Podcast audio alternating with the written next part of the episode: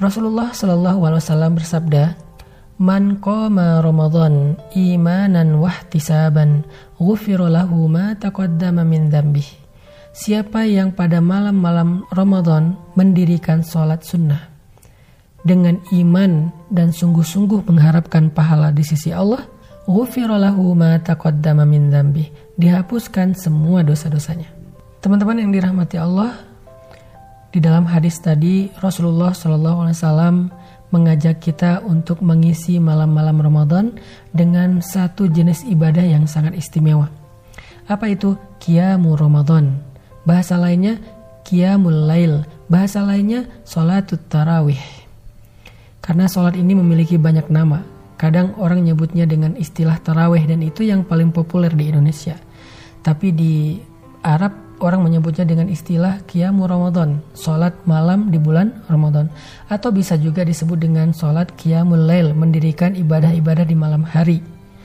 Apa pun namanya, tapi sama, yaitu sholat pada malam-malam Ramadan.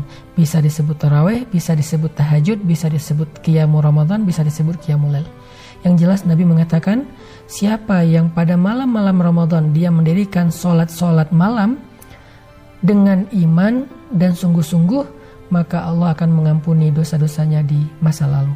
Ini ajakan Nabi kepada kita teman-teman. Seolah-olah Nabi bilang, ya fulan, yuk taraweh. Wahai fulan, yuk taraweh. Mumpung nih malam-malam Ramadan. Kenapa? Taraweh pada malam Ramadan itu keren banget. Mengisi malam Ramadan dengan taraweh itu adalah aktivitas yang paling istimewa. Keren banget. Kenapa?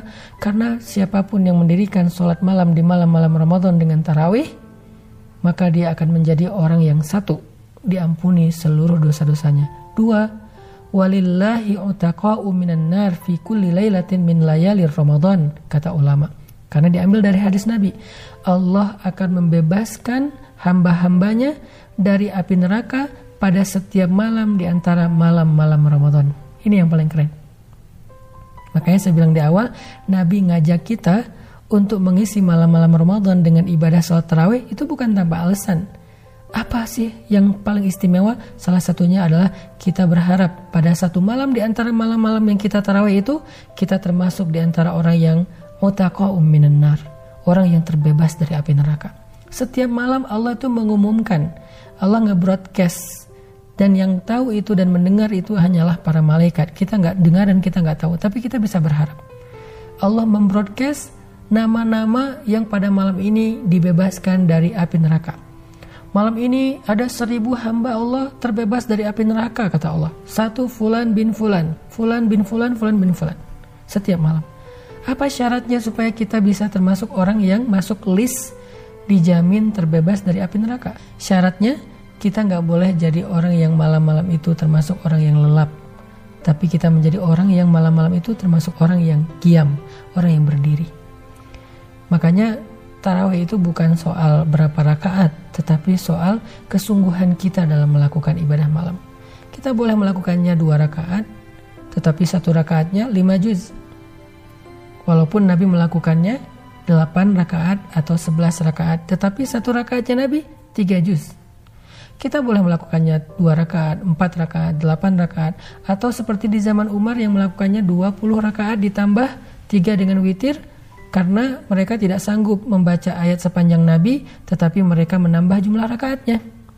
Artinya, bukan soal rakaatnya.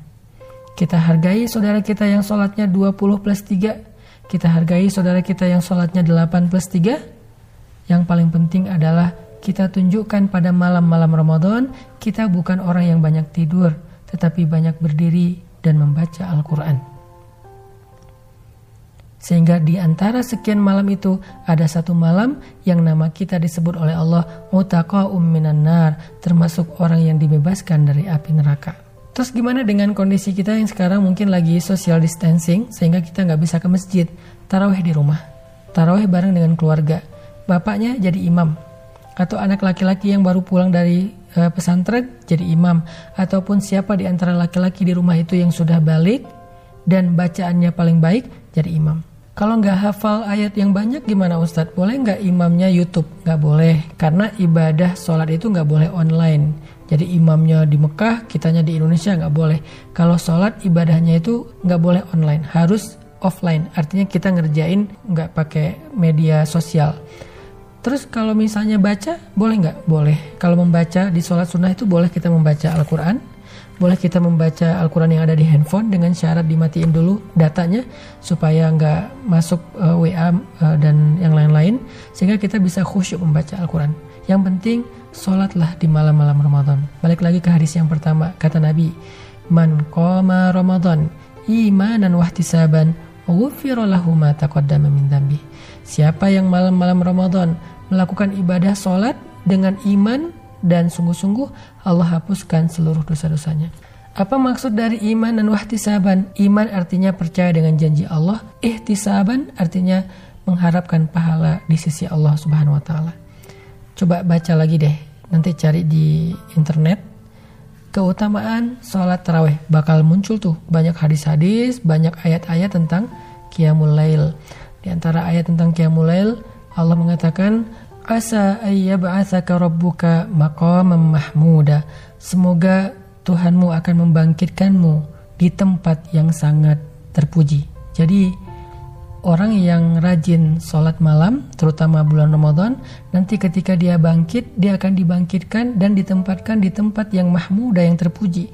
Di mimbar cahaya, dijemput oleh malaikat dengan kendaraan-kendaraan yang istimewa. Ya ba'athaka rabbuka maqamam mahmuda. Itu keutamaan sholat taraweh. Belum lagi nanti ayat-ayat yang lain tentang ibadah sholat malam seperti firman Allah kanu qalilan minal asharihum yastaghfirun ciri orang yang bertakwa ciri orang yang beriman ciri kekasih Allah kanu qalilan minal malam hari sedikit sekali yang mereka pakai untuk tidur dan menjelang sahur mereka banyak meminta ampun kepada Allah dan menangis karena taubat itu ciri orang yang dicintai Allah. Masih ada lagi banyak ayat dan hadis tentang keutamaan sholat malam, apalagi di malam-malam. Makanya kalau kita nggak bisa sholatnya full semalaman, minimal kita bagi. Ada yang kita lakukan di awal malam, yaitu habis isya kita taraweh dulu, misalnya 4 rakaat atau 8 rakaat, kemudian nanti sisanya kita lakukan lagi ketika kita bangun tengah malam jam 2 malam, jam 3 malam, sambung 4 rakaat berikutnya atau berapapun lah rakaatnya, baru kemudian ditutup dengan sholat witir. Itulah sholat tarawih atau itulah qiyamul lail yang diajarkan Nabi Shallallahu Alaihi Wasallam. Waktunya bebas, mulai dari isya sampai subuh. Mau dibagi-bagi boleh, mau full boleh. Kalau kita sanggup dari isya full sampai subuh boleh. Karena Nabi terutama di 10 malam terakhir Nabi nggak tidur karena pengen semalaman itu beribadah, beribadah. Yang jelas adalah Nabi ngajak kita untuk menghidupkan malam-malam Ramadan supaya Ramadan kita itu nggak sepi seperti malam-malam biasanya. Bahkan ada sedikit uh, cerita tentang ulama di zaman para tabiin. Mereka pengen rumah mereka itu nggak kayak kuburan. Karena kata Nabi janganlah kalian jadikan rumah kalian seperti kuburan. Maksudnya sepi aja gitu nggak ada sholat nggak ada tilawah akhirnya ulama ini membagi tugas bikin semacam piket gitu ya sepanjang malam di rumah mereka itu ada yang sholat dan ada yang baca Quran caranya mereka kasih giliran dari isya sampai subuh misalnya yang pertama istrinya Nanti waktu istrinya udah beres, istrinya tidur, suaminya yang bangun sholat. Nanti gantian dengan anaknya, gantian dengan pembantunya. Full, sehingga satu malam di rumah ulama ini selalu ada yang membaca Al-Quran dan selalu ada yang sholat malam. Sehingga rumahnya menjadi bintang yang dilihat oleh para malaikat dari langit. Seperti kita melihat bintang dari bumi. Mudah-mudahan apa pun caranya, dan dengan kondisi kita sekarang yang nggak bisa ke masjid karena social distancing, kita tetap bisa menghidupkan Ramadan kita malam-malamnya dengan qiyamul lail atau sholat taraweh. Barakallahu fikum.